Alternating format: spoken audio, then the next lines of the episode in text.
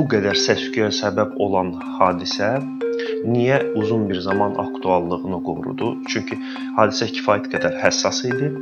Hadisə kifayət qədər dəhşətli idi və həmçinin e, hadisəyə e, reaktiv münasibətini göstərənlər xüsusən valideynlər oldu. Çünki valideynlər öz övladlarını və ya ki, hər gün o təhsil ocaqlarına göndərirlər və bir növ qorxu da yarandı ki, artıq bullying bu qədər ciddi problemdir.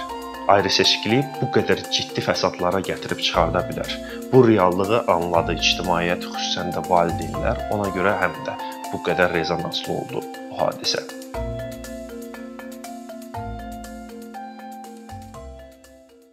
Bu ilin aprel ayında 14 yaşlı məktəbli şagird e, intihara cəhd etdi.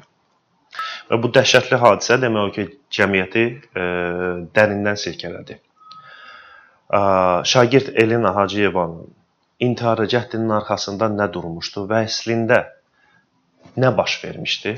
Niyə bu hadisə bu qədər rezonansa səbəb oldu? E, Elina Hacıyeva Azərbaycandakı orta məktəblərdə tüğyan edən bullyingin qurbanlarından birinə çevrildi.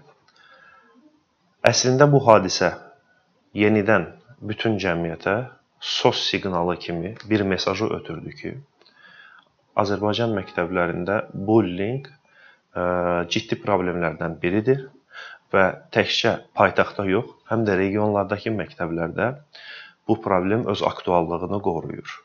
Əgər ə, e, xatirimizdədirsə, kampaniya çərçivəsində sosial şəbəkələrdə müxtəlif insanlar, ə, e, hətta valideynlər belə öz uşaqlarının, e, şagirdlər belə özlərinin başına gələn bullinqlə bağlı hekayələri paylaşmağa başladılar. Və burdan da hamımıza məlum oldu ki, əslində bu problem kifayət qədər aktualdır. Məlum hadisə ictimaiyyət arasında kifayət qədər səs-küyə səbəb oldu e, və deyək ki, haqlı səs-küyə səbəb oldu. Minlərlə insan e, Elina Hacıyeva üçün Susma Bullyingə son kampaniyası çərçivəsində paylaşılan fotoları paylaşdılar, məlumatları durmadan paylaşdılar, öz şəxsi hekayələrini, öz təcrübələrini böl bölüşdülər sosial ə, e, media şəbəkələrində. Əslində bu qədər səs-küyə səbəb olan hadisə Niyə uzun bir zaman aktuallığını qorudu? Çünki hadisə kifayət qədər həssas idi. Hadisə kifayət qədər dəhşətli idi və həmçinin e, hadisəyə e, reaktiv münasibətini göstərənlər xüsusən valideynlər oldu. Çünki valideynlər öz övladlarını və ya ki, hər gün o təhsil ocaqlarına göndərirlər və bir növ qorxu da yarandı ki, artıq bullying bu qədər ciddi problemdir ayrı-seçkilik bu qədər ciddi fəsadlara gətirib çıxarda bilər. Bu reallığı anladı ictimaiyyət, xüsusən də valideynlər. Ona görə həm də bu qədər rezonanslı oldu bu hadisə. Bullying terminini ilk dəfə Azərbaycan sosial media istifadəçiləri, həm də ictimaiyyət kim ki, sosial medialarda toplanıb, onlar bullying terminini öyrəşdilər. Əslində bullyingin açılımının nə olduğunu bildilər. Bullyingin müxtəlif növlərinin səbəblərini, fəsadlarını bu hadisənin fonunda e, görə bildilər. Bu hadisə bizə bir daha bunu sübut etdi ki, ümumən bütün e, paytaxtda və regionlarda olan orta məktəblərdə məktəb rəhbərliyi normal sağlam psixoloji mühit yarada bilməyib. E, həmçinin də valideynlərlə məktəb rəhbərliyi arasında da bir etibarsızlıq, inamsızlıq məsələsi hökm sürür və təbii ki, bunun da avtomatik qurbanlarına həmin o şagirdlər çevrilirlər sonradan. Hadisə o qədər dəhşətli və həssas olmuşdu ki, insanlar sosial şəbəkələrdə öz həmrəyliklərini nümayiş etdirirdilər. Xüsusi hazırlanmış fotonu ə, paylaşırdılar, öz ə, profil şəkillərini həmin fotolarla bəzədirdilər. E, kampaniya çərçivəsində yayılan məlumatları paylaşırdılar. Kampaniyanın tələblərini, həmçinin məqsədlərini həm də onlar səsləndirirdilər. Burada ciddi bir həmrəyliyin şahidi olduq. Bu hadisədən də məlum oldu ki, qarşı tərəf ə, e, ənənəvi metoduna ə, e, sadiq qalaraq reaktiv münasibət göstərdi hadisəyə. Və bizə də məlum oldu ki, bütün ictimaiyyətə məlum oldu ki, əslində bunun bir önləyici tədbirləri, həmin o mexanizm, bullying mexanizmi öncədən heç vaxt işlənilməmişdi. Sadəcə ümumi qaydalarla heç tətbiq mexanizmi belə həyata keçirilməmişdi.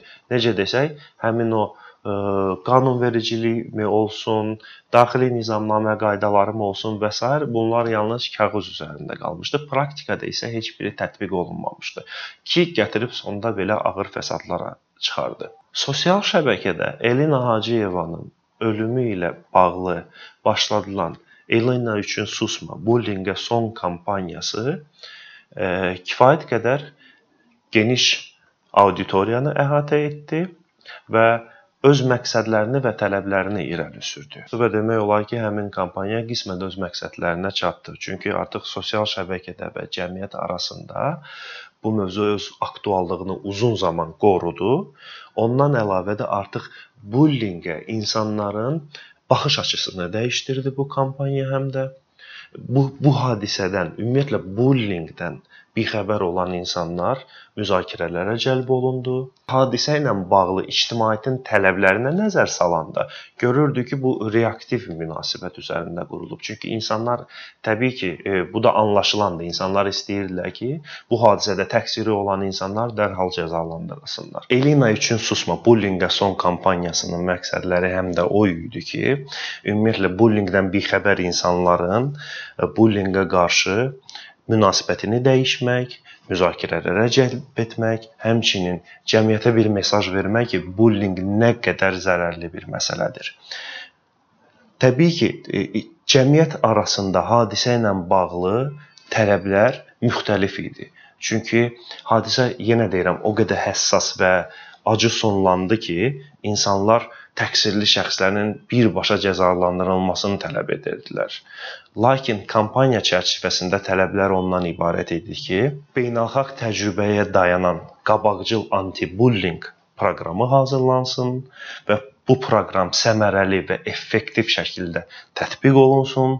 Tətbiq olunma prosesində uşaq hüquqları üzrə ixtisaslaşan, həm həm də gender sahəsi üzrə ixtisaslaşan qeyri-hökumət təşkilatlarının nümayəndələri, həmçinin valideynlər bu prosesdə yaxından iştirak etsinlər. Orta məktəblərdə gender dərsləri tədris olunmağa başlansın və ən nəhayət bu hadisədə təqsiri olan insanlar hüquqi müstəvisində öz cəzalarını alsınlar. Bu hadisə bir daha onu sübut etdi ki, dövlətin bullinqlə mübarizə yolları aydın deyil, ümumiyyətlə belə bir mexanizm də mövcud deyil. Həmçinin ictimaiyyət ondan agah oldu ki, orta məktəblərdə, ümumən təhsil ocaqlarında bərabər imkanlar təmin olunmayıb.